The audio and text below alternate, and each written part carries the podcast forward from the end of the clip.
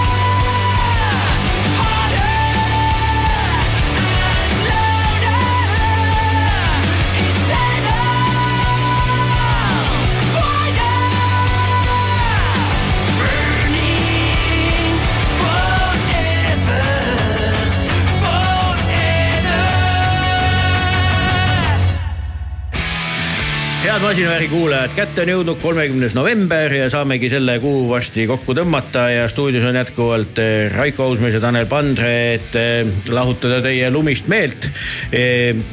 just kuulasime sellist eh, ägedat eh, lugu, mis kandis pealkirja Shadowboxer ja tegemist on siis eh, Soome Vabariigist meile saadetud eh, looga, mida esitas Moonshot Gift Band, soovitan eh, silma peal hoida, aga nii, mis meil täna saates tulemas on? Aga enne veel. mida?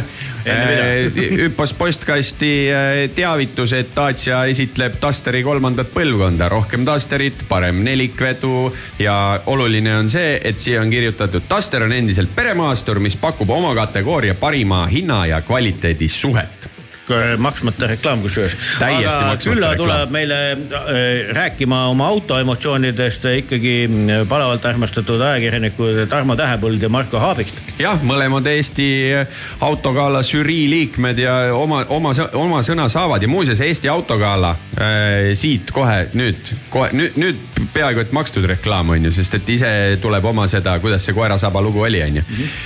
kõik, kes praegu kuulavad masinavärgi saadet trükivad äh, sisse oma nutiseadmes äh, aadressi Elisa Stage.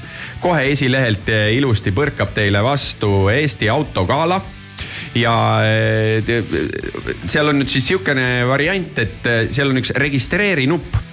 ja kui sa sinna ära registreerid ennast, siis A, väga oluline, sa ei maga maha seda hetke, kui see ülekanne algab homme õhtul äh, kell seitse. aga teiseks, et noh, see registreerimine oleks nagu sihukene lõbusam protsess, siis äh, ka mõned saja eurosed kinkekaardid lähevad siis loosirattasse. Ullala. No meile tuleb küll aga sihuke mees nagu Gert, Gert Kordejev onju, et mina ootan küll nagu põnevusega seda, seda jutuajamist, sest et teoreetiliselt saan aru, aga see külkavärk on ikka täiesti ulme onju, nii et, et seda kõike me saame küsida ikkagi maailmaklassi võidusõitja käest, kes siis loodetavasti avab selle veidra ja pöörase äh, spordiala tagamaid ja mis ikka, räägime siin võidusõidust, räägime muusikast. Billy Idolil täna sünnipäev. ja palju õnne. tõmbame teemaks kindlasti on ju ja äh, käime ka väikese niisuguse reisipäeviku üle, sest Tanel, sa käisid just ju Albaanias. just nimelt Läheme nüüd koputusega edasi. ja The Knock Stu. stuudio uksele veel keegi ei koputa. ja Feeder, Feeder on bändi nimeks ja The Knock on loo pealkirjaks ja siis peale seda juba võidusõidujutt. masinavärk.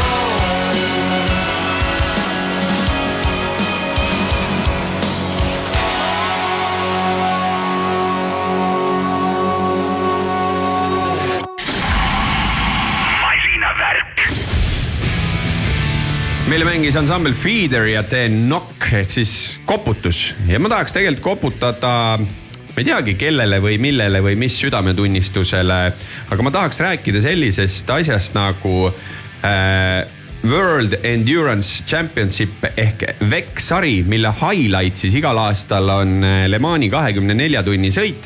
aga noh, läbi hooaja sõidetakse rohkem sõite, aga see on siis Tanel see sari kus äh, sõidavad need masinad, mida kutsutakse hypercaarideks. sa, sul tuleb mingi pilt ette, see enam-vähem, mis need on? tuleb, tuleb ja. aga, aga, aga miks ma sellest rääkida tahan, on üks äh, see põhjus, et VEC sarjas tehakse midagi väga õigesti et sinna tuleb kokku nii palju autotootjaid, et sinna tuleb äh, nii palju äh, sõitjaid ja tegelikult tõelisi nagu superstaare. sellepärast, et kui me võtame nüüd mitte selle kõige-kõigema klassi, aga uus klass siis LMGT3, mis ära asendas senise LMGTE, kus, millega ka Martin Rump siis eelmisel aastal küll Eurolemans sarjas äh, osales, aga tänu sellele uuele klassile saavad siis sinna GT3 klassi siseneda ka mõned uued tootjad.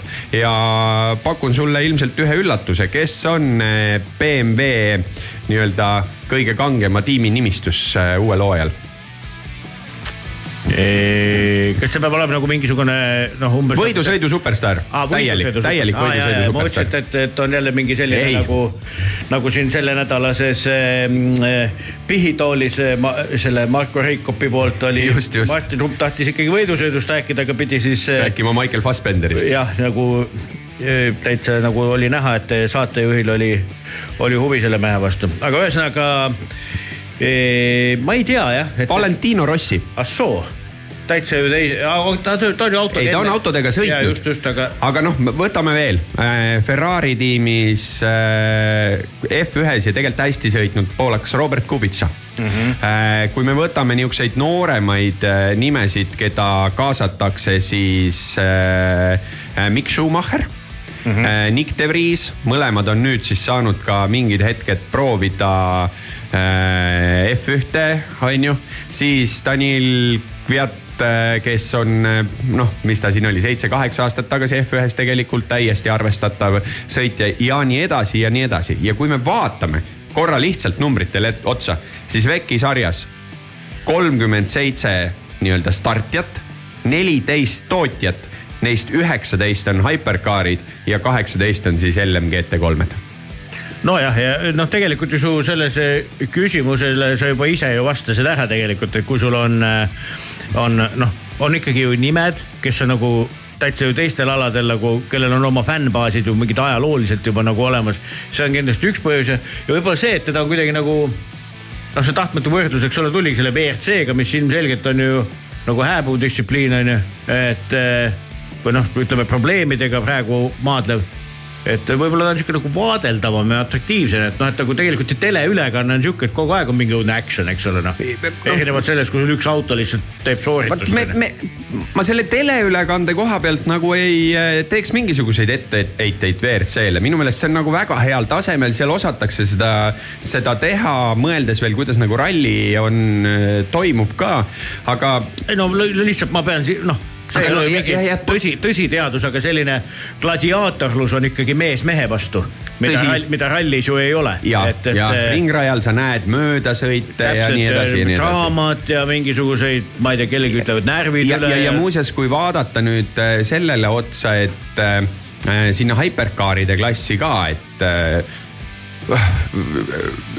lihtsalt uskumatu nagu, milline tootjate nimistu sinnagi siseneb ja, ja, ja kui keegi hakkab rääkima mulle sellest, et noh, et WRC-ga ei liitu tootjad sellepärast, et Rally1, et see hübriidauto on kallis, siis no vaadake seda Hypercari, mõelge, mis selle massina arendus äh, maksab, et äh, ma võin lihtsalt ette lugeda, milliste brändidega äh, kokku puutub, kui VEC-sarja jälgida Alpine, Aston Martin, BMW, Cadillac, Corvette, Ferrari, Ford, Lamborghini, Lexus, McLaren, Peugeot, Porsche, Toyota mm. -hmm nojah, väga-väga muljetavalt. ma leidsin äh, selle hypercar'i definitsiooni ka üles. nii. et see on siis äh, äh kas nagu äh, nagu spetsiaalne prototüüp või siis nagu olemasolev auto, mis eh, põhineb eh, nagu tänavalegaalsel autol. et see peab olema nagu selline auto, mis on päriselt nagu olemas ja mida sa siis võid tegelikult väga valdavalt määral ümber ehitada.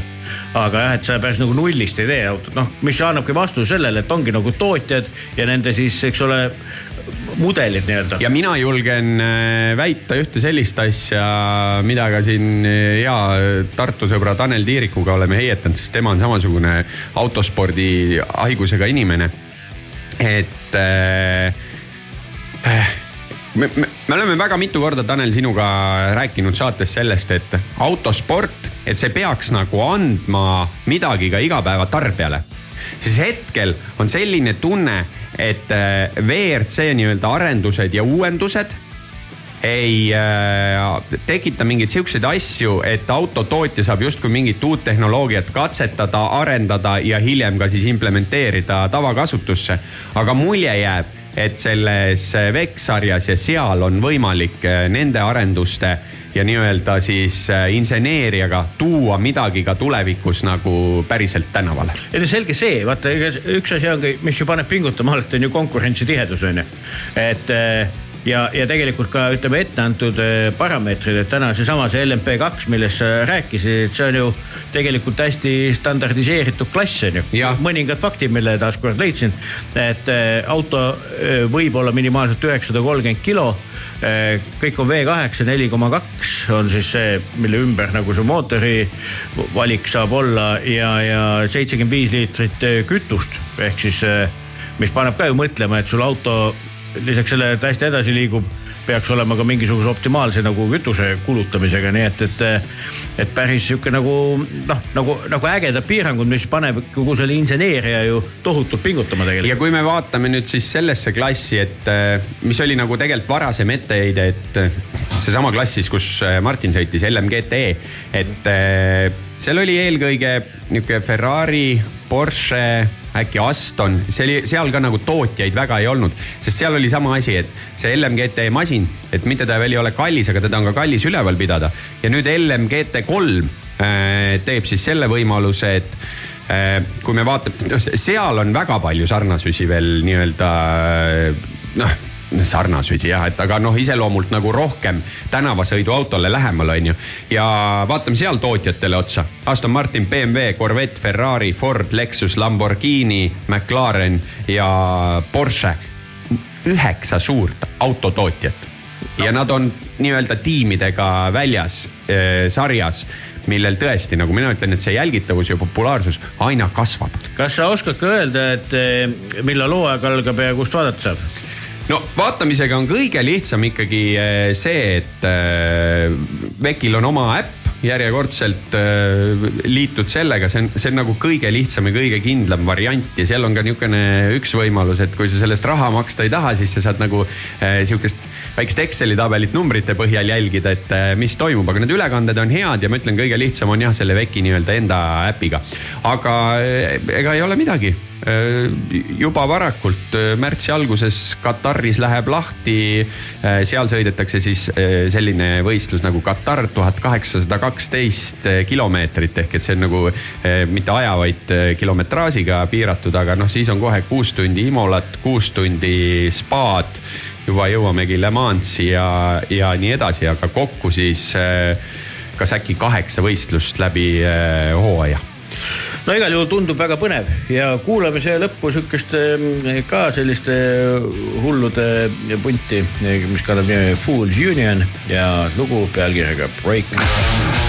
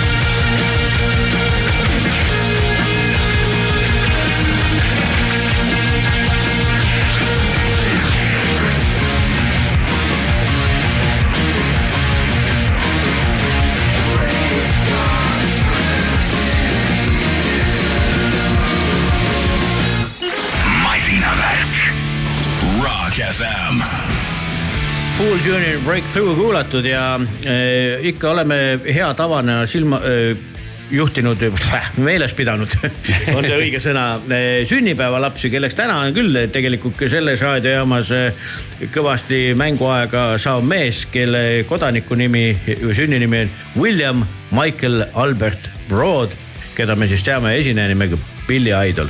ja tema on, eks ole, tuhande üheksasaja viiekümne viienda aasta poiss on ju ja ehk siis tähistamas oma kuuekümne kaheksandat sünnipäeva. et äh, igati selline masinavärgile kohal, et tähendab, et on põhjust rääkida, kuna tegemist on ju teada-tuntud motoentusiastiga, mis ju oleks tal võinud väga kurvalt lõppeda siin mitukümmend aastat tagasi. ma just tahtsin öelda, et kas sa tead seda, et lisaks sellele, et Billy Idol on tõesti väga vinge rokkmuusik ja seda vitaalsust on temas endiselt, siis üheksakümnendate alguses ta oleks saanud ühe väga-väga suure filmirolli, aga ta ei saanud seda ja sellel põhjusel, et ta tegi enne filmimise algust mootorrattaavarii ma ei tea, mis filmiga võiks tegu olla, oota. päriselt ei tea või? las ma mõtlen, las ma mõtlen, las ma mõtlen.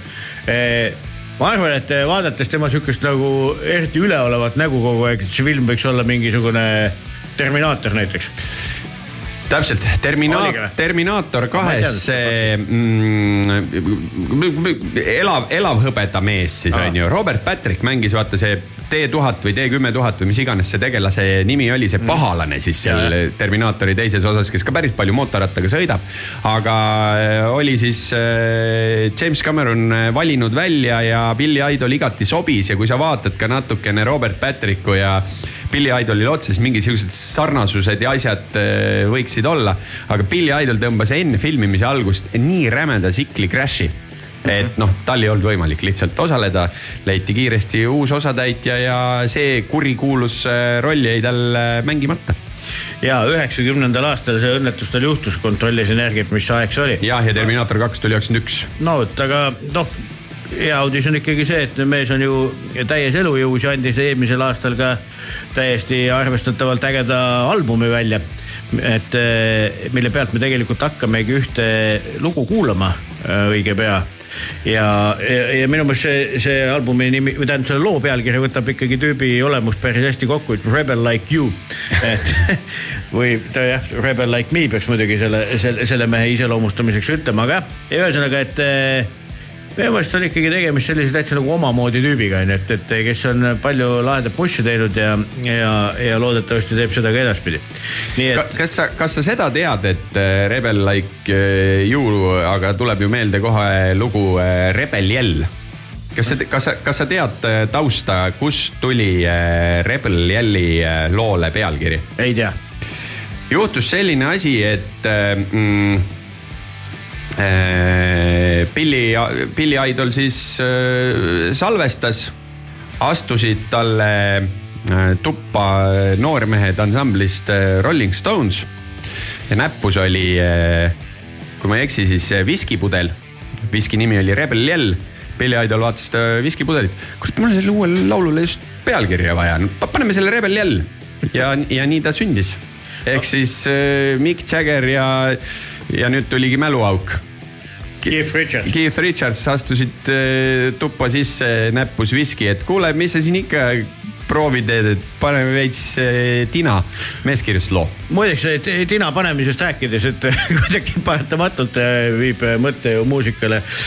vaatasin nüüd siin ühel lennureisil läbi Netflixis oleva Robbie Williamsi just, ma rääkisin sellest eelmises saates põgusalt. aa ah,, okei okay,, okei okay., vaatasid läbi selle ka? vaatasin läbi. no vot ja siis eh, tegelikult seal on üks huvitav taustalugu, millest seal eh, doktoris ilmselgelt ju ei räägita, onju. et sihuke lugu nagu Angel on väidetavalt ka ühe joomingu käigus kirjutatud no, lugu. ja kus siis, eh, no mis ongi ju selle venna kõige kuulsam lugu siiamaani onju. ja mille autoriks tegelikult peaks olema hoopis üks Iiri tüüp onju. et kelle käest see lugu osteti ära et eh, näed, siin on su raha ja, ja, ja sina ei ole selle autor.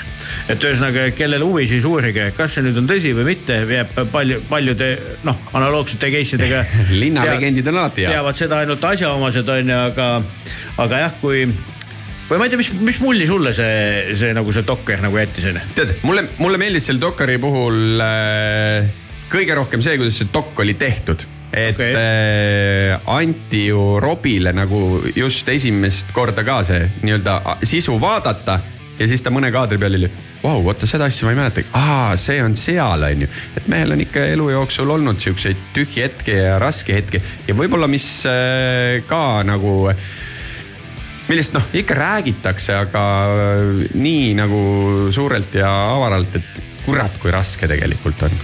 Tegelikult on raske, see ei ole lihtne tööstus, millest nagu äh, tipud maailmas osa saavad ja langevadki depressiooni noh ei no kõik õige ja, ja ei selge see, muidugi, eks ta näitab seda pahupoolt, aga ma tunnistan ausalt, et ma vaatasin selle filmi ära ja mõtlesin, et aga mida ma nüüd sellest eh, peale selle teada sain, mida ma oskasin ennegi oletada no. Tegemist on päriselt egomaniaki ja väga halva inimesega onju.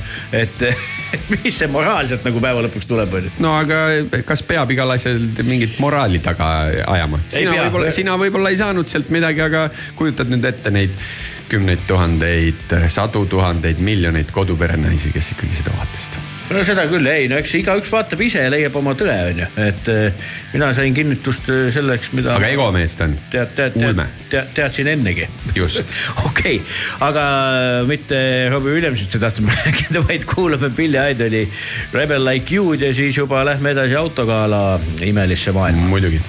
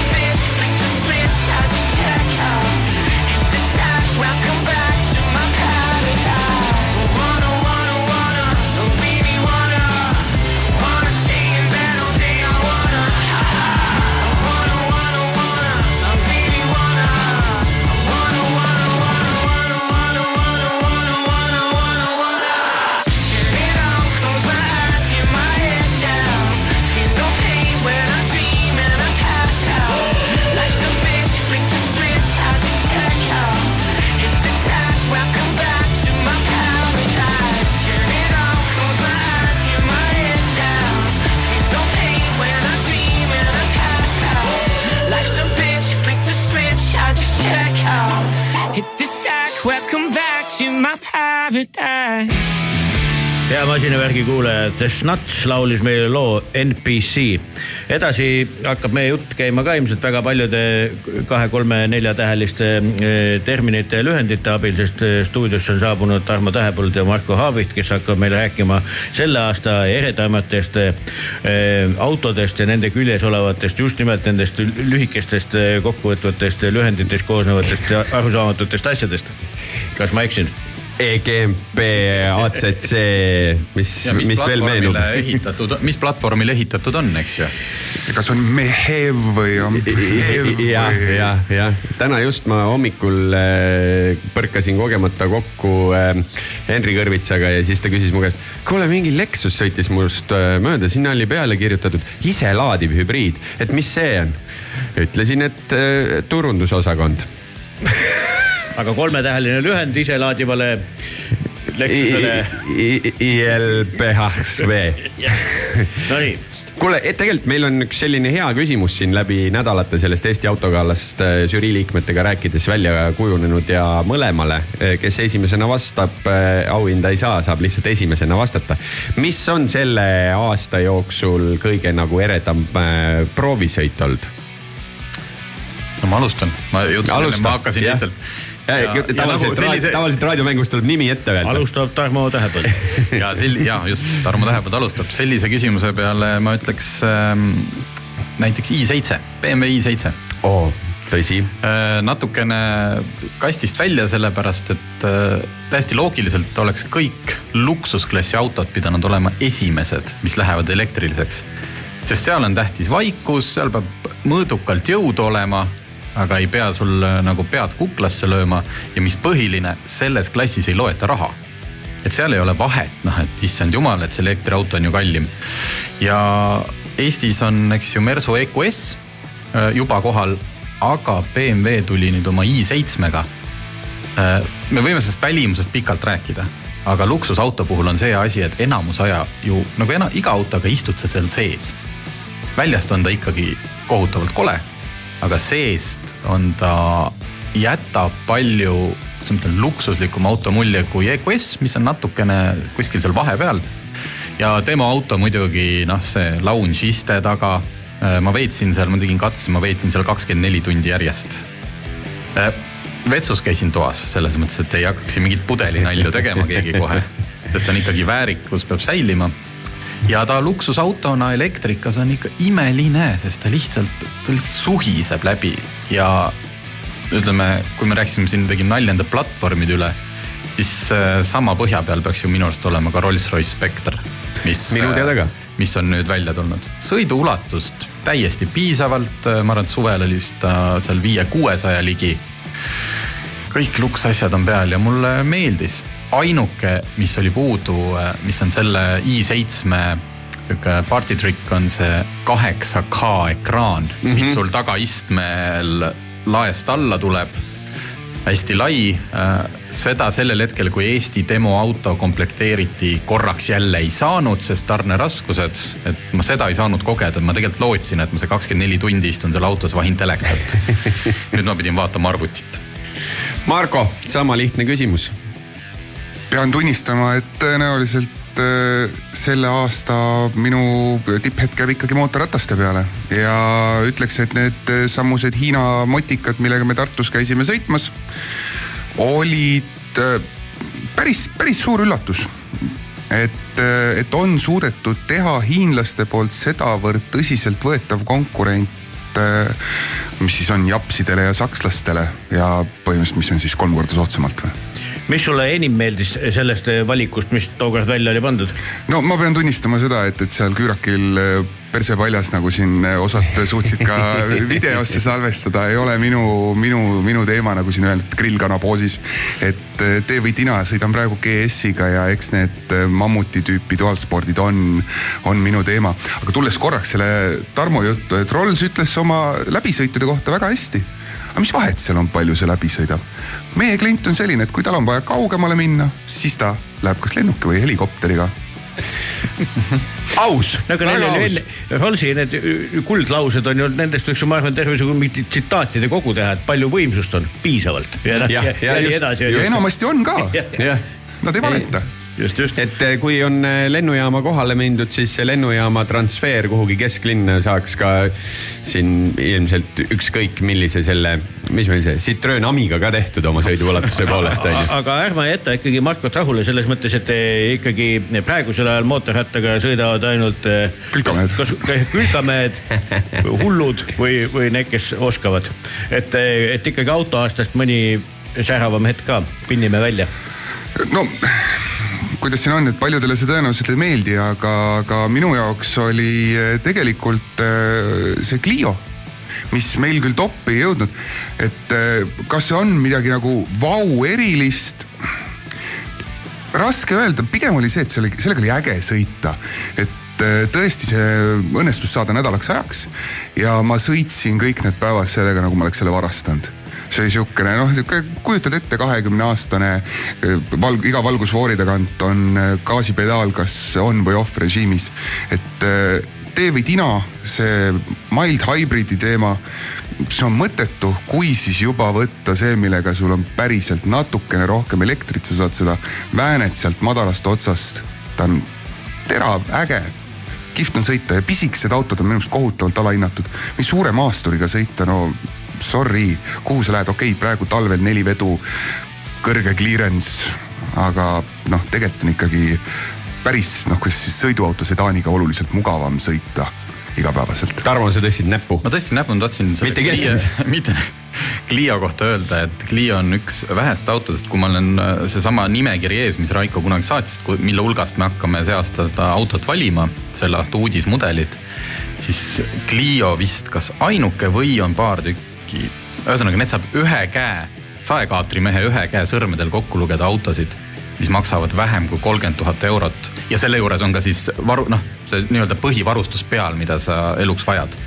et et äh, see auto hinnandus on jah niimoodi, et see aasta alla kolmekümne tuhande autosid põhimõtteliselt uusi ei tulnud. no see on täitsa crazy, et kui me arvutimaailma videotega alustasime, siis oli meil üks äh, algusaja testidest oli, et kas osta seitsmeteist tuhande euro eest omale täisvarustuses Dacia Duster või äh, Canoni objektiiv. ja noh, täna on ikkagi niimoodi, et äh, ma ei tea, mis kõige odavamad Daciadki kipuvad juba sinna kahekümne kolme tuuri jääma saab odavamalt, muuseas uue, uus Dusteri, uue Dusteri ma nägin, ma nägin, aga hinda veel ei olnud juures. ja kolmas põlvkond Dacia Dusterit tundub, et erutab siin mehi ka. ja, aga minu meelest see on tegelikult nii lahe, et te praegu selle nagu välja tõite, et üldse noh, et, et just, et noh, nagu reaalsete numbritega ja reaalselt tarbitavad autod, sest et noh, et selge on see, et noh, kui rääkida nagu eriti veel autoajakirjanikuga, et mis su highlight on, siis tulevad sellised autod, mida ma arvan, valdav enamus ikkagi noh, kui ta saab proovida, siis ta kindlasti suure tõenäosusega ei saa soetada, onju.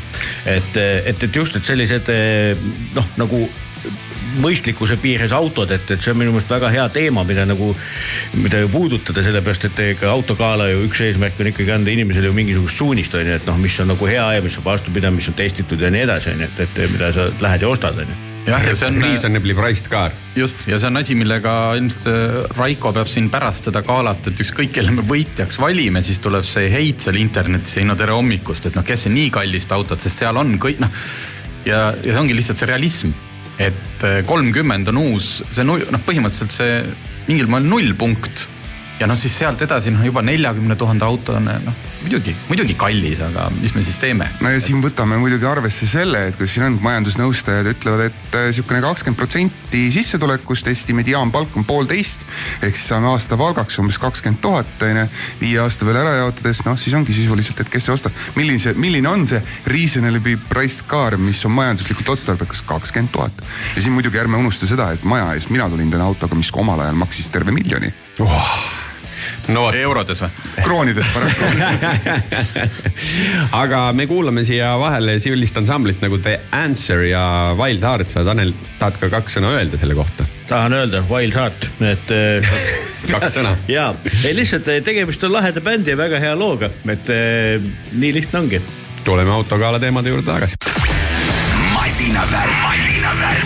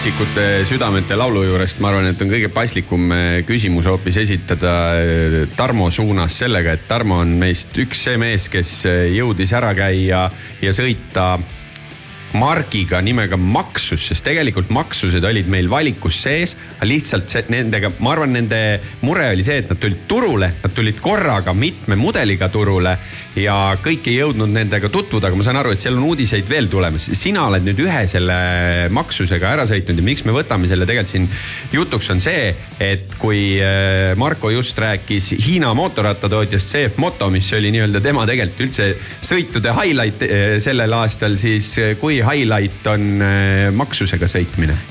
jah, täpsemalt oli seal buss, selle bussi taga kirjas Saik Motors Jaa, Maxus just. Mifa üheksa. jätke meelde, ühesõnaga ma arvan, et see auto ei olnud kõige parem variant anda nagu üldist hinnangut, et mis see, kas see Hiina autode invasioon on nüüd siis äh, kohal, sest tegemist on äh, kaheksakümmend, umbes kaheksakümmend tuhat eurot maksva äh, luksusbussiga Äh, selles mõttes Hiina autode puhul me räägimegi tegelikult ainult elektriautodest. sest siia, siia ja et, et mul ei ole mõtet siia iga auto ette rääkida, eks ju, et aa, elektriauto, et äh, see on luksusbuss, mille taga siis tei-, ühesõnaga keskmises reas on kaks sihukest suurt äh, tugitoolistet, mis sind masseerivad, sulle ilusti ütlevad, lohutavad. Käetoes on äh, ekraan, millelt juhid kõike seda, taga on veel kolmas rida ka, kus siis saab ilmselt turvamees istuda.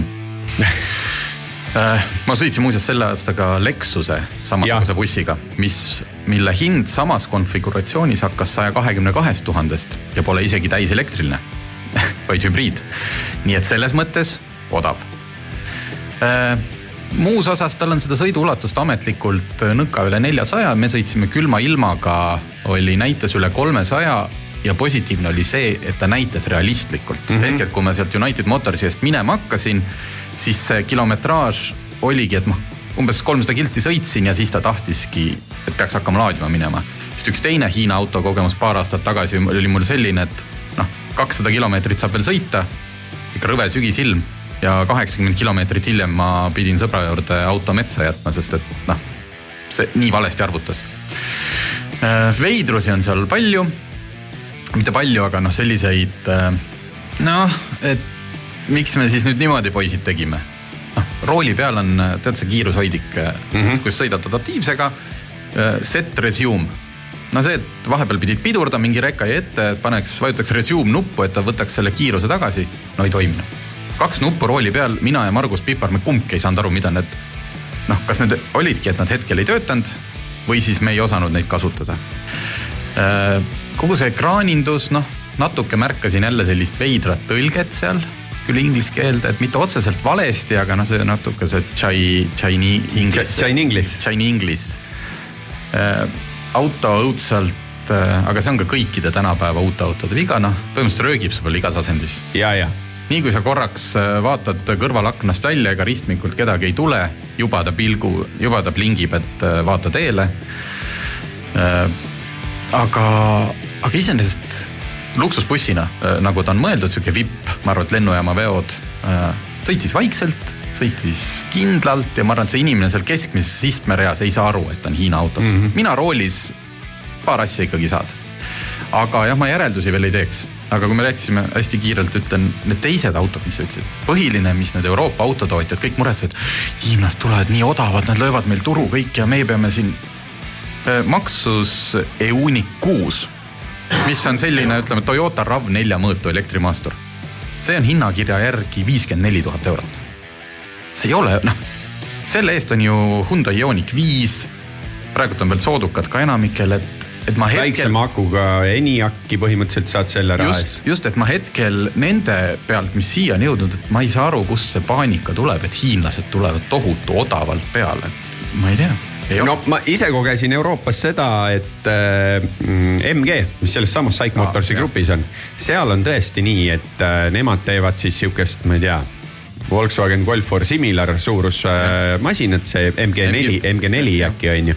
ja kui ma olen vaadanud äh, lääne review sid, siis äh, tõsi, kui seal pannakse see kõrvuti siis mingisuguse Peugeot E kahesaja kaheksa või Megane E-Techiga, siis äh, väidetavalt äh, Inglise naeltes ikkagi siukene viis tuhat ja rohkem soodsam, et see pidi olema argument. ja pidi olema ka väga hea auto.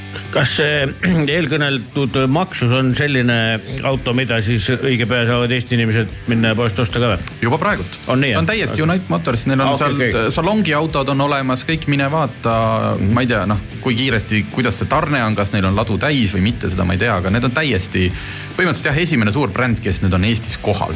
kui ma käisin rääkimas nendega, siis jäi mulje, et äh, siukene võiks täitsa paari nädala kuuga midagi siukest, noh ikkagi tänastes mõistes üsna kiiresti kätte Neil saada. Skandinaavias on mingi vaheladu. Norra, norrakad on äh, neil siis nii, noh, tegelikult ei ole Euroopasse toojad, aga noh, jah, onju. Mandrile toojad, mitte Euroopa Liitu. Euraasiasse onju.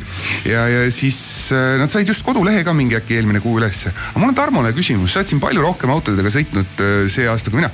et kui me jätame välja Dacia Jogeri, mida ma lootsin eelmine aasta, et äkki võidab onju, sest noh, tõesti mõistlik auto milline on sihuke, kui päriselt mahub ära kuus inimest mugavalt? kuus inimest no vähemalt kuus ja, ja jätame kaubikud välja. aa, no ma ütlen, ma käisin sõitmas hiljuti Kiia EV9-ga, mis on Kiia järgmine tõenäoliselt elektrihitt, kolmerealine, see on suur maastur. Ja noh, seal on päriselt, seal saad tellida ka seda kuuekohalist konfiguratsiooni, kus on keskel kaks nii-öelda natuke kapteni istet ja nende vahelt pääsed veel kolmandasse ritta, kus on noh, ütleme Marko Haabicht võib-olla kolmandasse ritta ei mahu hästi. Aga Tarmo Tähepõld mees mahub., mina mahuks, mina mahuks ilusti ja Defender sada kolmkümmend selle kolmas rida on ju tegelikult kolmekohaline, seal on kolm turvavööd. ja seal ka sain mina ka täiesti nagu istuda. palju maksavad?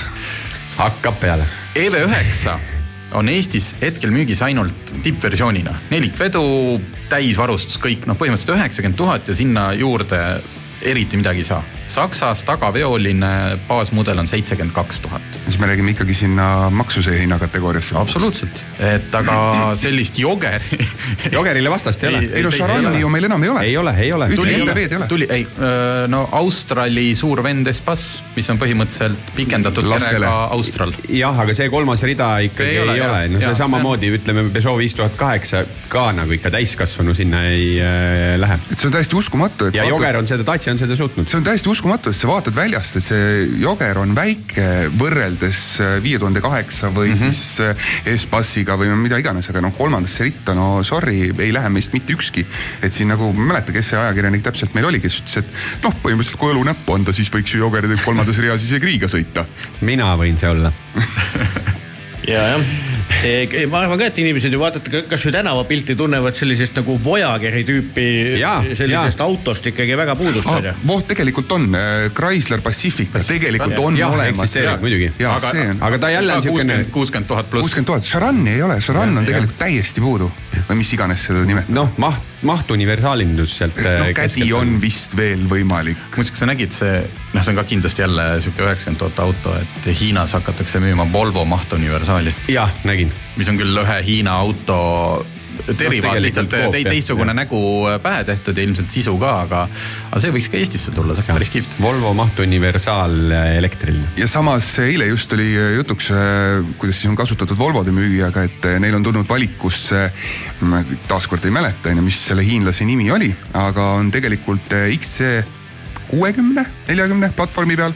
kõik muu on sama, välja arvatud tarkvara on teine ja siis jõuame siinsamasse Tarmo eh, maksuse kommentaaridesse, et noh, tead tarkvara, tarkvara aga võtame selle jutu kokku niimoodi, et teid mõlemat äh, näeb igal juhul äh, reedel Elisa Statesi vahendusel Eesti autogalal ja seal me saame teada, et äh, ku- kuidas ja milliseid autosid te siis lõplikult hindasite, mis masin ka võidab, nii et kõik, kes ei ole veel teinud, siis äh, Elisa Statesi lehele minge regis-, tehke eelregistreerumine ülekandele, sellepärast et esiteks siis ei maga ülekannet maha õiget hetke, tuleb teavitus emaili peale, aga kui sa sinna selle eelregamise ära teed, siis sa osaled ka loosis, kus siin ikkagi mõndade sadade eest kinkekaarte välja pannakse. vaatamine on täitsa tasuta. ja vaatamine ise on täitsa tasuta ja, ja, ja selle teema lõpuks see maksus tundub nagu igati nagu lahe bränd, aga ühe asja nad on jumalast valesti teinud, et kui ma siin silmitsen nende logo, siis see on selline lihtsalt üks A täht on ju. sellepärast, et teadupoolest ikkagi heal autobrändil peab olema mingi loom et, eh, et eh, kui looma pole, siis on juba on kahtlane onju, et, eh, et miks ma sellest loomateemast räägin, sest järgmine lugu kannab pealkirja Lion. et mis on ju ikka eriti, ma ei tea, autoajakirjanikud suudavad kindlasti kümneid brände peast tulistada, kus lõvi on, lõvi on peal ja, ja Birds of Tokyo on selline äge punt, kes meile lõvinimelist lugu jääb siia autokaala jutu lõppu laulma. masinavärk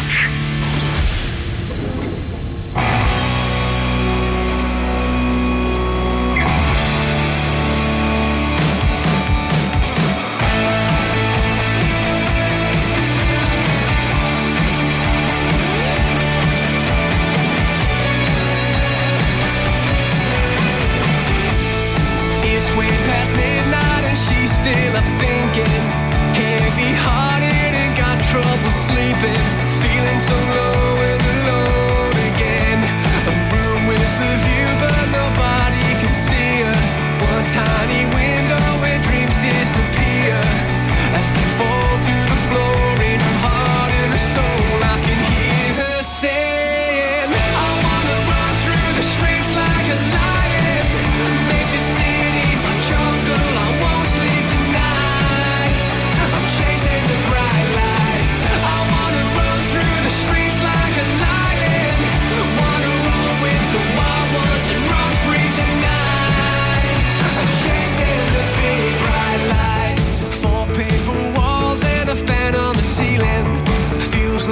trap with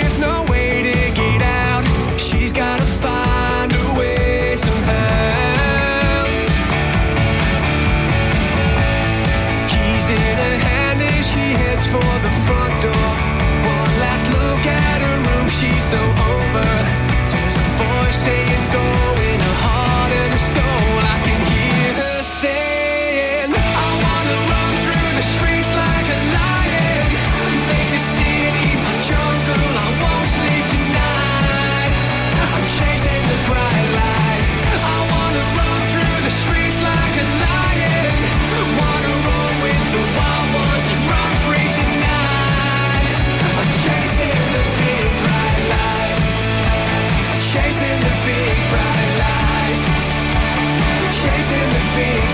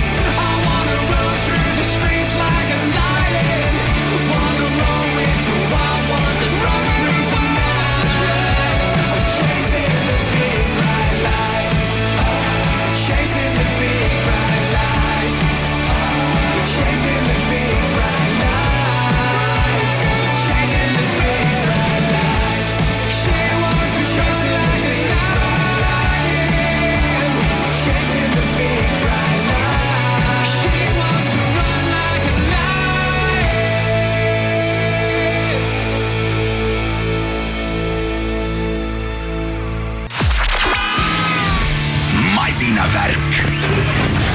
homujõude ja detsibelle rahistavad autoentusiast Raiko Ausmees ning muusikasõber Tanel Pandre. masinavärk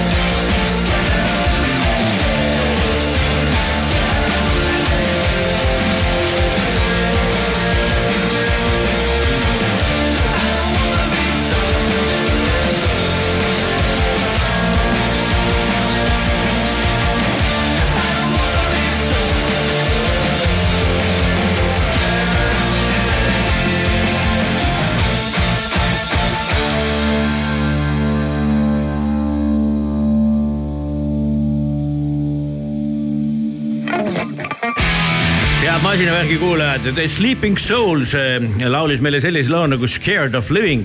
kohe hakkamegi rääkima surmahirmust, adrenaliinist ja kõigest muust taolisest. Eesti armastatuma, palavalt armastatud motosportlase Gerd Kordeeviga, tervist. tervist, tänud kutsumast.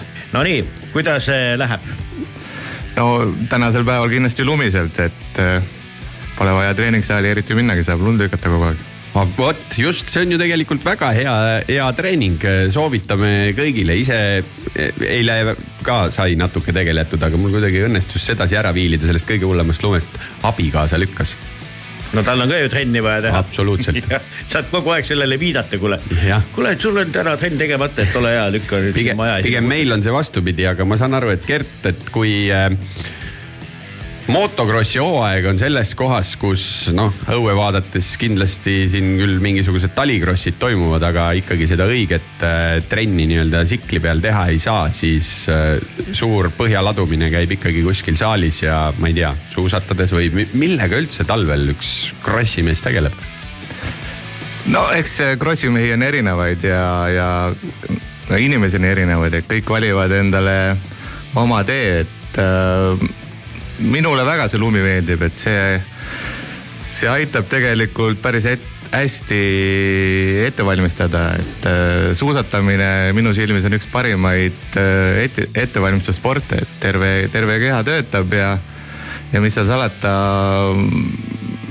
minu eas juba on oluline ka, et, et, et väga nagu liigestele ja ja mujale ei mõjuks, et siis suusatamine on äh, tegelikult sellise põhjaladumise poole pealt äh, number üks viimastel aastatel vähemalt minu jaoks, et siis sinna juurde mõningad jõusaalitreeningud ja, ja nii me enam-vähem valmis saamegi. Sina oled tegelikult öelnud sellesama nii-öelda iseenda treenimise kohta minu arust ühe geniaalse asja, et äh, võid ju seal garaažis veeta tunde, päevi, keerata mootorit peale ja timmida seda ratast paremaks, aga ega kui sellest kinni ei jaksa hoida, siis pole sellest mitte midagi kasu, ükskõik kui hea see tsikkel sul on. jah, eks siin on ka arvamusi on erinevaid, et sellised teiste spordialade inimesed arvavad, et no mis see motokross seal ju mootor ja, ja sa ei pea midagi tegema, aga aga see on selline kombinatsioon kõigest ja, ja, ja kui sa ikkagi ennast kehaliselt ette ei valmista, siis sa ei, ei ole võimeline selle mootorrattaga tegelikult sõitma. kuule, sina sõidad sellist distsipliini nagu külgkorv. esimene küsimus üldse oleks pidanud hakkama peale, kaua sa sellega tegelenud oled? no tegelikult äh, kui vaadata päris esimesi meetreid, siis võib öelda päris kaua juba, ma arvan, et ma alustasin. Ma võtsin oma isa külgkorvi garaažist välja kuskil kahe tuhandete alguses. kaks tuhat üks, kaks tuhat kaks, et sealt hakkas vaikselt, vaikselt veerema, et eks see, eks see esialgu oli suuresti, oligi vanemate projekt, et nii minu kui ka korvipoisi isa äh, valmistasid kõik asjad ette ja, ja siis, kui meid kutsuti, siis me läksime ja üritasime seal kolmerattalisega sõita nii hästi kui oskasime, et ähm, selline ilus hobi kõikide muude asjade kõrvalt, et võib-olla tõsisemaks läks natuke seal kaks tuhat seitse, kaks tuhat kaheksa, et siis, siis hakkas juba natuke spordi, spordiilmet võtma aga tänase seisuga tegelikult, kas sa iseennast ma- nimetadki professionaalseks motosportlaseks või tegeled sa millegi muuga veel? no ma pean ütlema, et äh, ma olen küllaltki professionaalne, sest äh, teisest küljest olen ma ka, mis seal salata, töötu, et sellist äh, teist allikat, sissetulekuallikat mul ei ole ja, ja viimased, viimased kaks pool, pool aastat olen sellega tegelenud, tegelenud noh, nii hästi, kui ma oskan ja, ja nii, nii hästi, kui kui ütleme, võimalik on olnud, et ähm, võiks öelda, et selline peaaegu professionaal jah. kuule, aga ma ei tea, kui tuntud fakt see on, aga, aga räägid, et töötu, kuidas saab olla töötu inimene, kes on käinud ikkagi Kunda muusikakoolis, mis on ju legendaarne muusikakool Eesti Vabariigis. no vot seda ma ei oska öelda, et äh, kuidas need kaks asja omavahel seotud on, aga seal ma käisin tõesti, mul oli, ema oli muusikaõpetaja ja tegelikult äh, esimene pool oma elust ma tegelesin muusikaga päris palju, käisin muusikakoolis erinevates koorides äh,, isegi orkestris mängisin pilli, et et äh, ei, oli tore aeg, oli võib-olla natukene raske, aga, aga tagantjärgi tundub kõik palju ilusam kui võib-olla siis aga praegu pilli kätte ei võta, et kui ikkagi närv mustaks läheb või kuidagi üle käivad emotsioonid, et siis on mingi teine ajupoolkera saab eh, sihukest mõnusat koormust või? Ehm, ei, sellest muusika poolest ma suurel määral loobusin ikkagi, kui sport tõsisemaks läks, et äh, muusika, pärast muusikakooli lõppu ma veel tegelikult, mul oli pill kodus ja orkestris ma käisin, aga ja laulmas käisin ka veel mingi aeg siin koorides, aga noh, siis läks ikkagi kiireks ja, ja enam nendesse kohtadesse ei jõudnud ja, ja otsustasin loobuda, et tänasel päeval no ma saan küll omaette kodus karjuda, aga, aga pilli enam mängida ei saa mis pill oli, kui saladus ei ole trompet, oh.? ah,. No, aga, aga ühesõnaga tiimibussis trompet kuskil konksu otsas ei ripu. no praegu veel ei ripu. minu meelest peaks. tead, mul on sihuke mulje jäänud, ole, ole, olles trompetist umbes ühe noodi elus kätte saanud, onju, sõna otseses mõttes kätte saanud. vot, vot see on küll pill, mis on umbes, ma arvan, võrreldav külka tsikliga sõitmisega, et sa, sa võib-olla mingi hääle saad nagu kätte, aga vot mängimine on see, et sa pead sellega pidevalt tegelema. see on umbes sama, et sa ilmselt koha pealt saad ära ükskõik millal, aga sõitmine on täiesti teine teema ja veel see, et, et tegelikult sa teed seda, mida sa nagu tahad mitte see, et nagu masin või siis pill vastavalt hakkab sulle dikteerima, et, et, et ma ei tea, kui tohib siukse meelevaldse paralleeli nagu tõmmata, on ju, siukse kahe täiesti erineva asja vahel. ei, sul on õigus selles suhtes, et ega isegi sellel ajal, kui ma seal koolis käisin seitse aastat, siis ähm, ega ma seda noh, päris selgeks ma arvan, et ei saanudki, et äh, ja tänasel päeval heliredeli mängin ära, aga aga lugudest ma arvan, et on asi kaugel juba toon, toon on oluline. sõidujoon ja toon. no nii, mitmes äh, täishooaeg sul sellel või siis no ütleme järgmisel aastal MM-i karussellis stardib? tegelikult läks äh, päris tõsiseks asi peale seda minu jaoks, kui ma kaks tuhat seitseteist, kaks tuhat kaheksateist ma ei sõitnud üldse, tegin pausi ja kui ma kaks tuhat üheksateist tagasi tulin, siis ikkagi äh, ainuke eesmärk oligi jõuda sinnamaale, et MM-id kõik kaasa sõita, teha see, see aasta kaasa, et äh, kaks tuhat üheksateist see veel ei õnnestunud, kaks tuhat kakskümmend jäi äh, haiguse tõttu kogu kalender äh, olemata ehk siis kakskümmend üks, kakskümmend kaks ja see aasta ütleme, oli siis selline äh, kolmas hooaeg, kus, kus mu, mu eesmärk oli kõik kaasa sõita, noh, tegelikult ei õnnestunud mul see ei kahekümne esimesel aastal kui ka sellel aastal, et, et täishooaja kõik MM-etapid kaasa sõita õnnestus mul ainult eelmine aasta. Ehk siis äh, nüüd järgmiseks on jälle seatud seesama siht, et kui võimalik, siis äh, kõik etapid ja neid tuleb mitu järgmisel aastal no nüüd äh, järgmine aasta on natuke lihtsam kui see aasta, see aasta oli neliteist, järgmine aasta peaks olema üksteist ja, ja, ja see, see on eesmärk number üks jah me kuulame vahepeal äh, muusikat ja siis tuleme tagasi, vaatame, kuhu kalender viib ja räägime ka sellest, kellega sellel aastal Gert koos sõidab. just ja, ja kuna võidusõit on ikkagi em, paljuski toetajatel ju noh, toetajate kaasabil ikkagi tehtav, tehtav asi, siis eh, leidsin ühe huvitava bändi, millest mul polnud enne õrna aimugi, mille nimi on Sounds of Red Bull. et, et, et ühesõnaga selline bränd, mis on kõvasti sporti panustanud. et siis on keegi võtnud siukse bändi nime omale nagu Sounds of Red Bull ja Over the Moon on loo pealkiri, mida kuulama hakata.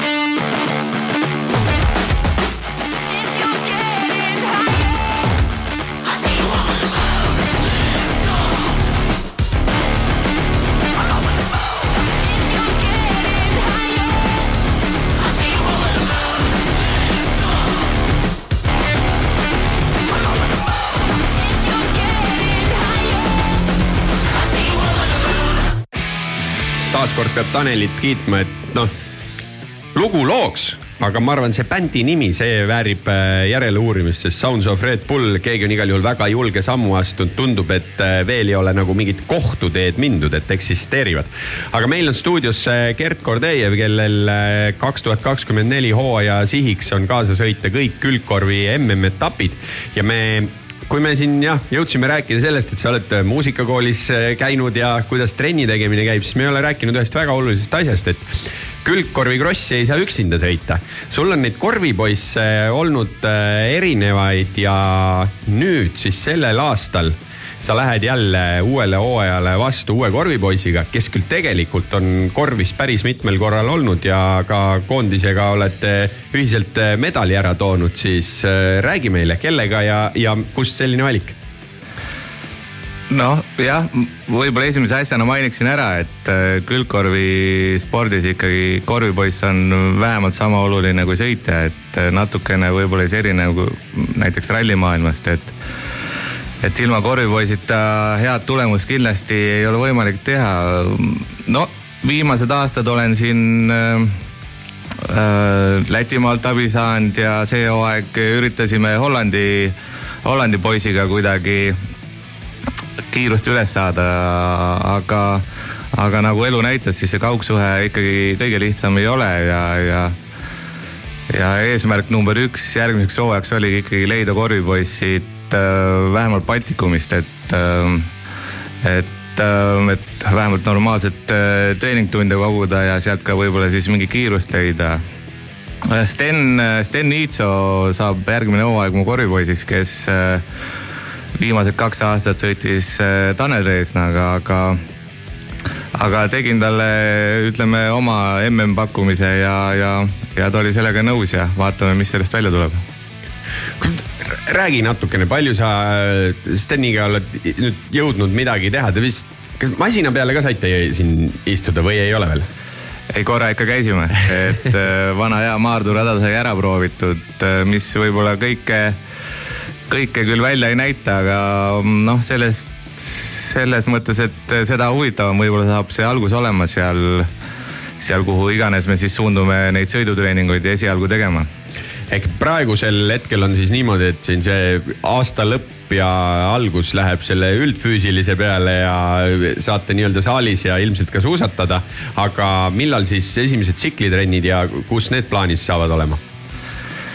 no viimased, viimased nädalad olengi neid kalendreid siin vaadanud ja, ja, ja mõelnud, et millal see õige hetk võiks olla et alustada sõidutreeningutega, no eks seal on alati see, et mida varem, seda parem, aga teisest küljest tuleb ka rahakotti piiluda, et, et iga, iga reis, iga treeninglaager on kulu ja, ja, ja tuleb selline tasakaal leida, et tänasel päeval ma olen pannud äh, kirja endale sellise kuupäeva, et seitseteist veebruar võiks siit ära sõita ja ja kui Itaalias just lumi maas ei ole, siis äh, kõigepealt sinna ja vaatame edasi, et äh, viimased aastad on seal kannatanud kõik treeninglaagrid ära teha.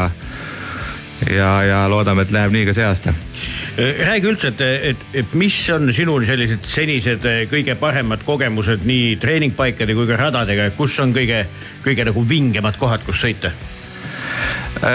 ma, ma olen tegelikult neid treeninglaagreid teinud ainult kas siis Saksamaal või Itaalias. Hispaaniasse ma ei ole jõudnud, et väga paljud teevad ka Hispaanias, aga nii palju, kui ma kuulnud olen, siis ikkagi Itaalia ongi selle poole pealt ikkagi kõige parem, et selline ettevalmistus ja seal on väga palju erinevaid radu, mille vahel valida.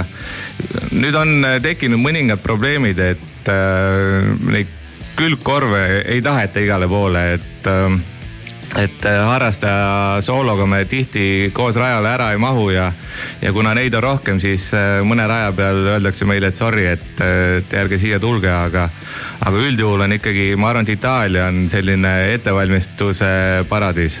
kas Itaalia on sellepärast ka hea, et tegelikult saad mingisuguse, ma ei tea, paarikümne kilomeetrise ringi sees mitmele erinevale rajale minna?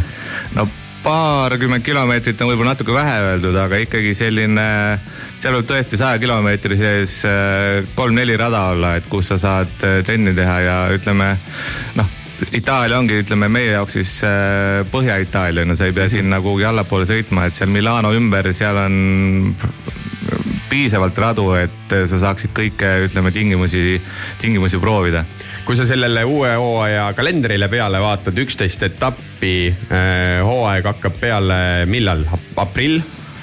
jah, kakskümmend, kakskümmend üks aprill on esimene etapp Portugalis, et ähm, meie jaoks küll äh, päris kaugel, aga, aga noh, tõenäoliselt siis tehnikaga liigumegi Itaaliast sinna otse edasi, et pärast selline sealt koju reisida üle nelja tuhande kilomeetri on väike selline, väike ekstreemsus juba, aga, aga noh, saame hakkama aga ütleme, kui sa senise karjääri peale vaatad, et, et mis on niisugune kõige meeldejäävam koht olnud, kus sa sõitnud oled? No Kiviõli ikka, et, et, et kui me, kui me võrdleme, võrdleme radasid puhtalt, siis jah, Kiviõli, mis on Naare Kauriti ütleme selline kujundatud, siis see on, see on külgkorvidele ikkagi superrada, kahju, et seda nüüd siin viimased aastad ikkagi MM-i kalendris ei ole.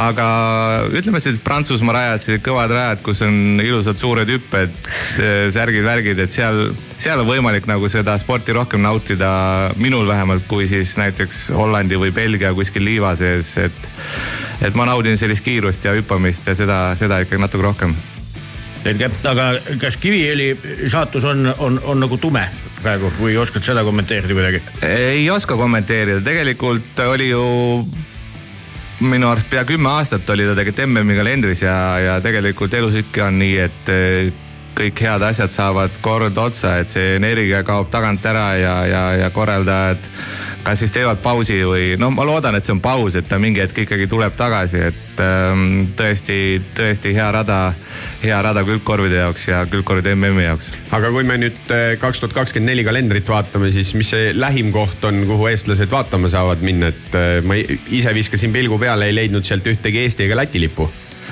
jah, kui mu statistika paika peab, siis ähm, üheks, tuhat üheksasada üheksakümmend viis oli viimane aasta, kui MM-i kalendris ei olnud etappi ei Lätis ega Eestis, ehk siis see on nagu väga kurb see aasta et me ei suuda siinpool seda korraldada ja, ja võib-olla ka need lääne-eurooplased eh, ei ole väga huvitatud siia tulemisest, et ega seal täpselt ei tea, mis need eh, tagamaad on aga ma arvan, et Eesti inimesel näiteks äh, Poola tulla, Gdanski äh, ei tohiks olla ka väga suur katsumus, et äh, Poola teed tänasel päeval on juba ütleme, ma arvan, et Euroopas kõige, kõige mõnusamalt sõita, et et see on ka seal suve keskel minu arust kuskil, kui ma peast mäletan, et loodame, et eestlased leiavad sinna tee mis seisus üleüldse Eestis hetkel korvikross on, et mingi hetk see oli ikkagi meil niisugune tõsine rahvussport ja läbi ajaloo meil siin on kaks MM-i äh, hooaja kokkuvõtte medalit äh, olemas. palju täna nagu huvi on, palju seda järelkasvu ja-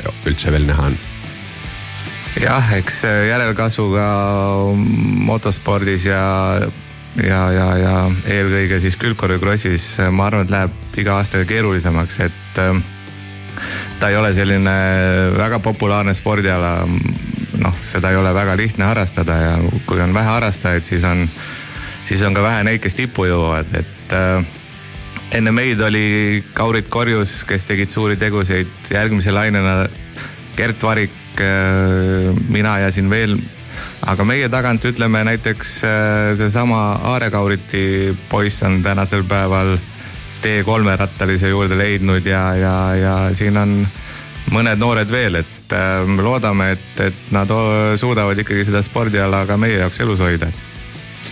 Me loodame sama. Ja siia selle lühikeseks jäänud intervjuu lõppu olen valinud äh, sellise loo äh, tänaselt sünnipäevalapsed, kelleks on Roger Glover, keda me ennekõike teame sellistest bändidest nagu Rainbow ja Deep Purple ja tema sulest on ilmunud ka sellised väga eh, mototeemalised lood nagu Speed King näiteks ja, ja Highway Star ja nii edasi, aga tänaseks eh, kuulamiseks siis eh, eh, hällipäevalise Roger Gloveri sulest ka ilmunud eh, või kirjutatud lugu ehk mis kannab pealkirja Power. sobib hästi ja esitajaks on Rainbow. nii et Gerdile ka jõudu ja power'it. absoluutselt. tänud.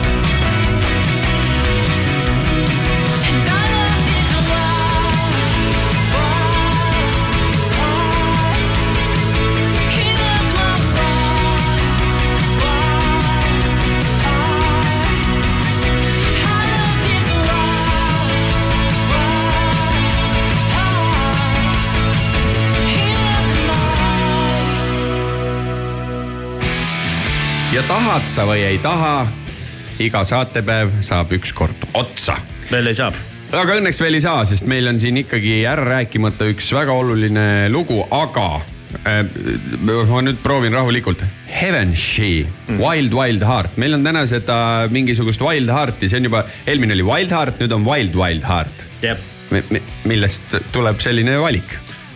Ei siin küll mingit seost ei ole, aga see Wild Wild Heart, ma mõtlesin, et võiks äh, iseloomustada selliseid keevalisi autojuhte.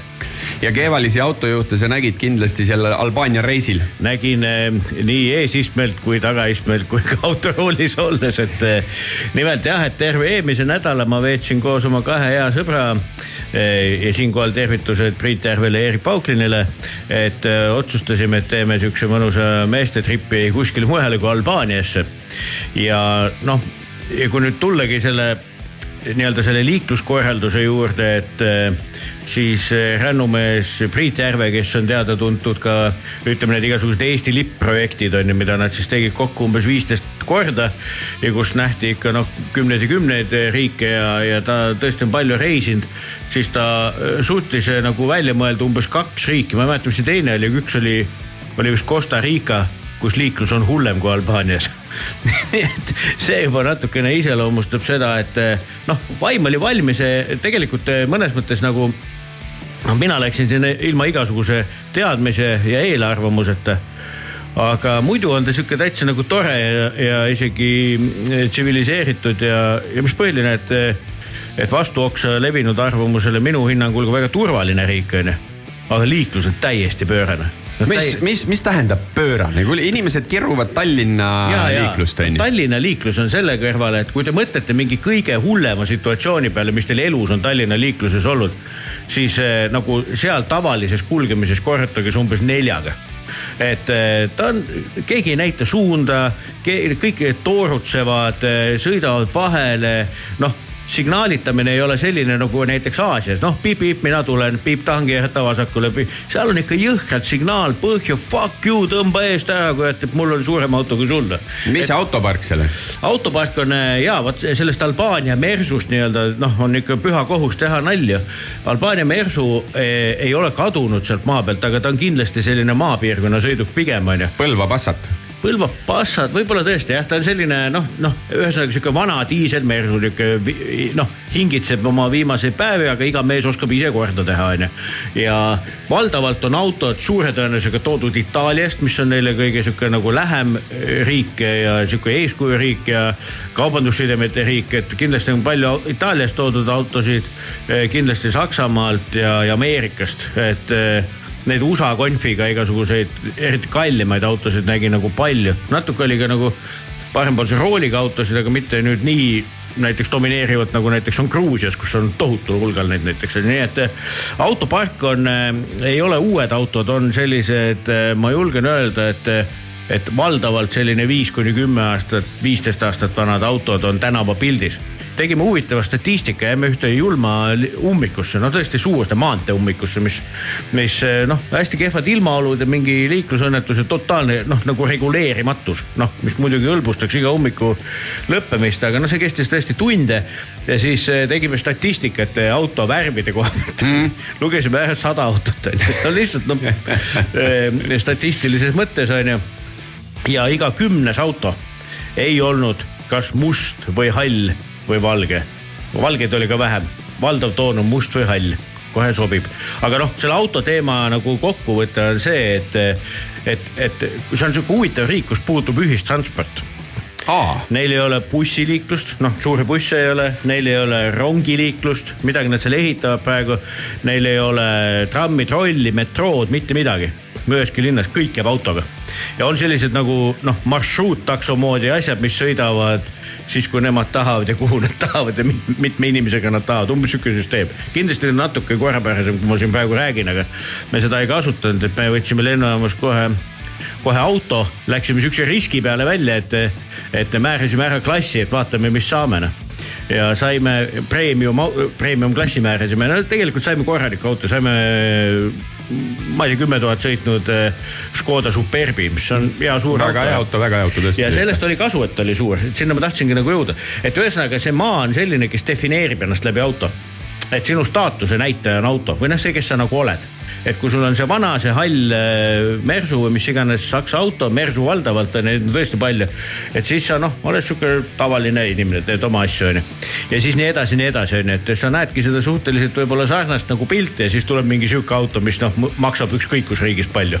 et noh, et, et ja siis ja siis seda on ka kohe sõidustiilist ja kõigest nagu näha, sest väga tavaline oli näiteks see, et, et kui sa ontlikult näiteks, ma ei tea oled ringtee peal või kuskil noh, oled vasakpoolses reas, et teha vasakpööret, loomulikult reguleerimata ristmikul on ju. siis eh, kuskilt kaks rida paremalt poolt mingi vend tõmbab lihtsalt su ette niimoodi sealt eest läbi sult on ju, et see on täiesti okei okay keerata esimesest reast vasakule. kui on veel kaks rida su kõrval. nii et noh, mingi sihuke stiil, aga jah, ta on sihuke hästi, hästi nagu jah, ma ütlen, et läbi auto defineeritud ühiskond, mis kõlab täiesti ajuvabalt, aga nii ta on no ma vist telefonikõnes korra ka küsisin, aga ega kui me räägime autodest ja, ja muusikast, siis tavaliselt me ikkagi puudutame ka veel lisaks toiduteemat mm. -hmm. kas on lihtsasti öelda, et mis on Albaania köök? Albaania köök on tegelikult äh, hästi rikkalik köök, sest Albaania on selline maa, mis toidab ennast ise, kuna tal on klimaatiliselt on ju väga soodsa asukohaga, ta on Aadria mere ääres. ta on noh, üks riik Kreekast ülevalpool ja noh, siis üks riik seal Makedooniast ja, Horvaatiast ja sealt allpool, nii et, et neil on jah neil on neli aasta aega, praegu ongi selline sügis seal, heitlikud ilmad, seal sajab korralikult, on ju. ja seal on hästi palju päikest, nii et, et, et nad söövad palju värsket, nad söövad palju kala ja neil ongi segu, ütleme siis sellisest noh, kui arvestada, et kunagi oli, eks ole ju pikki-pikki sadu aastaid, eks ole, Ottomani riigi koosseisus, eks ole, et neil on noh, nad käivad vürtsidega hästi ümber, neil on Itaalia mõjud, kõik pastad, pitsad või ütleme, neil on nagu oma nagu pasta, mida nimetasid mingite oma nimedega. et noh, mis on siis siuksed nagu jahutooted ja neil on jah, on sihukest Kreeka mõju on ju, et et ta on üks hästi nagu miksitud köök ja, ja noh, et see on täiesti okei okay,, et kui sa lähed välja sööma, et sul on seal supid, salatid, mitut liha, noh, tegemist ei ole klassikalises mõttes moslemiriigiga, aga noh, siiski islam on seal valdav usk on ju, et aga noh, näiteks sealiha ja, ja mis põhiline, kärakas on kogu aeg saadaval. Et, et, et ses mõttes on ta, on ta küll hea, hea toidudestinatsioon ja, ja kihvte restorane on seal nagu, nagu palju, et üldiselt jah, nagu söögiga on seal tõesti hästi ja, ja söök on väga mõistliku hinnaga et ta ei ole nüüd noh, nagu otseselt nagu odav onju, aga kindlasti ta on odavam kui Eestis. kuule, aga ma tulen korra selle muusika küsimuse ka juurde. sõitsite ringi, sattusite kogemata kuhugi, kas seal eksisteerib üldse nii, et ma ei tea, pubis mingi kohalik trubatuur oli? ei ole e,. jah, me olime taaskord täiesti nagu madalhooajal, aga, aga elavat muusikat ei õnnestunud kuulda kordagi. küll sattusime ühele olulisele hetkele peale, et pealinnas Tiranas oli vutimatš Fääri saarte ja Albaania vahel, mis siis oli noh, EM-i, tähendab MM-i valikturniir vali,, valikturniir jah, et, et, et kus kui nad, nad mängisidki lõppkokkuvõttes viiki ja said siis edasi, eks ole. see oli noh, see oli nii suur, noh statka kõik ammuilma välja müüdud ja siis oli veel linna peaväljak, noh, mis on kordades suurem kui näiteks, ma ei tea, Vabaduse plats on ju. sinna oli pandud suur-suur meeletu ekraan, eks ole, ja rahvas pidutses ja tribüünid ja asjad ja vaadati, et seal oli tõesti palju-palju inimesi, ma, ma noh, silma järgi jube raske hinnata, aga noh, me räägime ikka noh, kümme pluss tuhat on ju. et, et ja siis me kuulsime seda kohalikku mussi seal on ju ja noh, siin ja seal ka ja raadio mängis pidevalt ja kuulasime kohalikku jaama, et ta on sihuke nagu sihuke veits sihuke nagu mingi Araabia ja sellise Balkani ja sihuke nagu segu, et ta on nihuke nagu rahvamuusika mõjutustega. et hästi palju ja, ja, ja, ja vaatasime jah seal, kui palju masse oli koos, siis olid kohalikud hitid, mida noored, no siuksed tõesti mm. ma ei tea, kuusteist ja kõik laulsid kaasa, et, et see värk on, see on nagu veits nagu niisugust India filmi vaatad või midagi niisugust, noh et nagu. et selline noh, meie jaoks totaalselt arusaamatu musa on ju, et selline noh sihuke nagu ra rahvamuusikalik tantsumuusika või ma ei oskagi öelda. popp rahvamuusika. midagi sellist jah, jah sihuke noh noh, jah, ei saa lainele ühesõnaga. aga soovitad? minna ja, ja kindlasti, ma soovitaks minna niimoodi, et, et nagu kombinatsioonis mingite noh, automatkana väga lahe, tsiklimatkana kindlasti super lahe, sest seal on kõrguste vahed on suured, et kuni kolm kilomeetrit tegelikult mm -hmm. ja no mägine ja, ja kihvtid teed ja mis ma ütlen veel, et teed on head teed on tõesti head, vaatamata kõigi sellele hullusele. on põhimaanteed on väga korralikud ja muud mägiteed, need on ka asfalteeritud ja on nagu okei okay sõita soovitan kombinatsioonis lähiriikidega, kas siis Kreekaga, Itaaliast sõita üle laevaühendused Turresest sõidavad, ma ei tea, kolme erinevasse kohta Itaalias. nii et, et, et ta on üks sihuke noh, see ei ole mingi tõde, aga ma arvan, üks selline kuni nädal mitte vähem kui kolm päeva, aga ma arvan, et ka üle kümne päeva võib-olla noh, et lihtsalt ümberringi on nii palju ägedamaid kohti. ja, ja ütleme ka sellise tripina, et eh, nagu meie käisime, lennuühendused on suhteliselt okeiks läinud, et eh, saab, meie sõitsime läbi Frankfurti, mõlemad otsad on sihuke kahe tunni piires. nii et, et, et täitsa nagu teostatav ja, ja mõistliku hinnaga, nii et, et eh, tasub minna avastama, aga võib-olla kui tõesti mõelda mingit suve siis mõelda kindlasti enne hooaega kuskil kevadel või siis nagu hiljem. sest et eh, see on riik, kus näiteks sellel aastal on turism tõusnud kuussada protsenti ta on nüüd avastatud Okei, okei. tegelikult ta on valmis, noh, kui sa lähed nagu turistina, hotellid on okeid. süüa saab hästi, kui sa oma nina ei topi sinna, kus ei ole ilus ja vahva on ju, siis tegelikult on, ma ei tea, samaväärne nagu ma ei tea, Horvaatia näiteks, millega ollakse juba harjunud on ju ja avastanud on selle peaasjaliku, kus see tõus on tulnud äh, hispaanlased, need ilmselt said aru, et on veel mingi riik, mis on odavam kui nende oma ja päike paistab, on ju. et saab ka kuskil laiemas käia või midagi sellist, nii et, et äh, ses mõttes jah, selline emotsioone täis reis ja, ja mina küll äh, julgustan avastama seda kohta, et, et, et noh, ta saab minna ainult paremaks. aga noh, siukseid veidraid momente on ka, et, et selline mehed on ikkagi hirmuäratavad, seal käivad niisugused meeste kambad ringi, on ju kõigil sihuke veits islami värk noh. no ta jah, ei, seda sa näed ka kuskil Gruusias ja. Armeenias ja niimoodi, et noh, et must dress, siis see veider, eks ole, see üleõla sihuke pisike kott on ju ja mustad tossud. see on nihuke täielik rahvusriietus on ju ja noh, peenemad tüdrukud käivad siis valgete dressidega igal pool restoranis ja väljas ja niimoodi. et, et see dress on kuidagi jah, sihuke noh, dress ja mersu et on kaks märksõna. üheksakümnendad. täiega, täiega, see ikka nagu käib sellega, aga noh, jah, aga muidu, muidugi tore, mina küll soovitan jah kolm muusikat. kuulame muusikat jah, kuulame sihukest äh, bändi nagu Superlove ja lugu on Energy. masinavärk.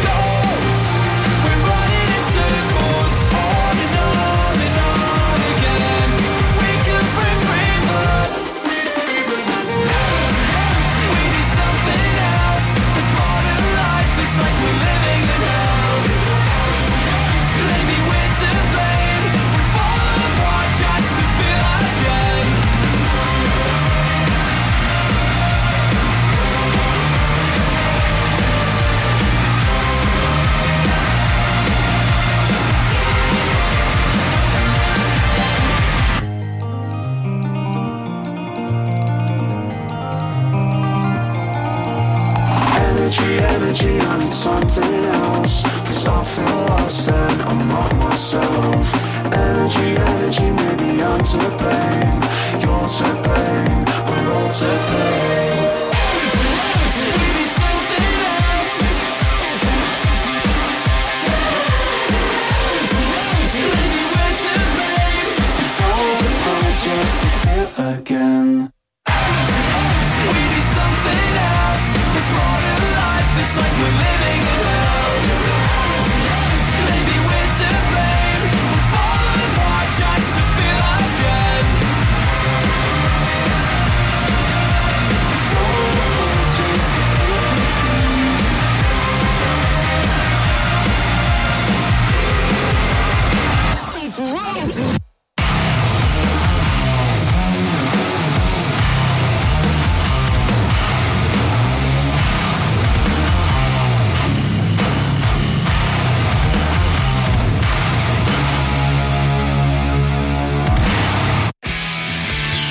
Superlavia Energy. Tanel, kas sinu energiatase on nüüd äh, läbi selle Albaania reisi laes ja oled valmis bassikeeli kõdistama, sest et äh, teil on kohe ju Tarvo Valm bändiga suur plaadiesitluse kontsert, noh nüüd, nüüd ja kohe. nüüd ja kohe jah, tegelikult juba kolme tunni pärast on seda kõike võimalik näha sihukeses kohas nagu Funky baar.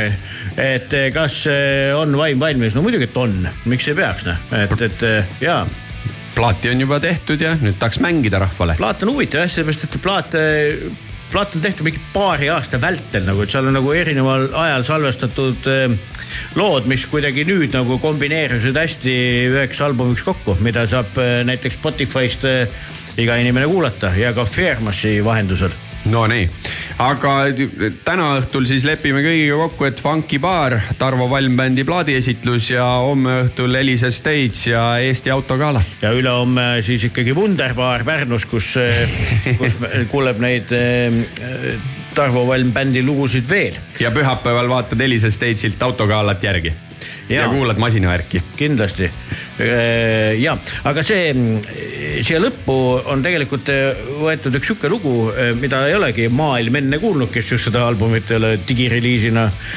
läbi kuulanud. et selline Rock FM-iga lähedalt seotud persoon nagu Laura Prits hakkab meile laulma sellist lugu, mis kannab pealkirja Kivist mees et eh, kui palju see Preili on meeste kividest vett välja väänanud, seda teab ainult ta ise. aga loo, lugu siis eh, räägib, noh, kohe kuuleme, millest ta räägib. aga ja maailma esmaettekanne raadioeetris eh, hakkab pihta nüüd ja Laura Prits koos eh, Tarvo Valm bändiga eh, teeb sellist eh, mõnusamat eh, blues-rocki tune'i meile kohe. No nüüd peaks nagu midagi ütlema. aga muidugi jaa. Davai. kohtumiseni ütleme. Kohtume õige pea siis eh, kontserdil ja autokanal.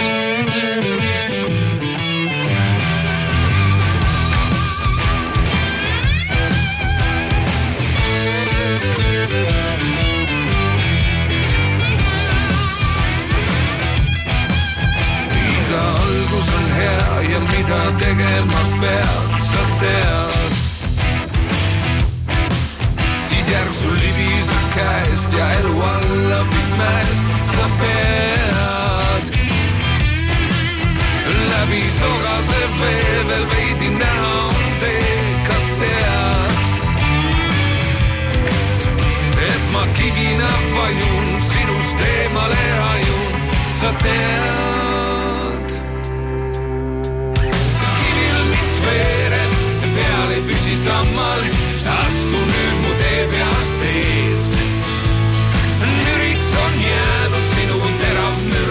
sammas ei peatada saagi vist meest, saastu eest. astu minu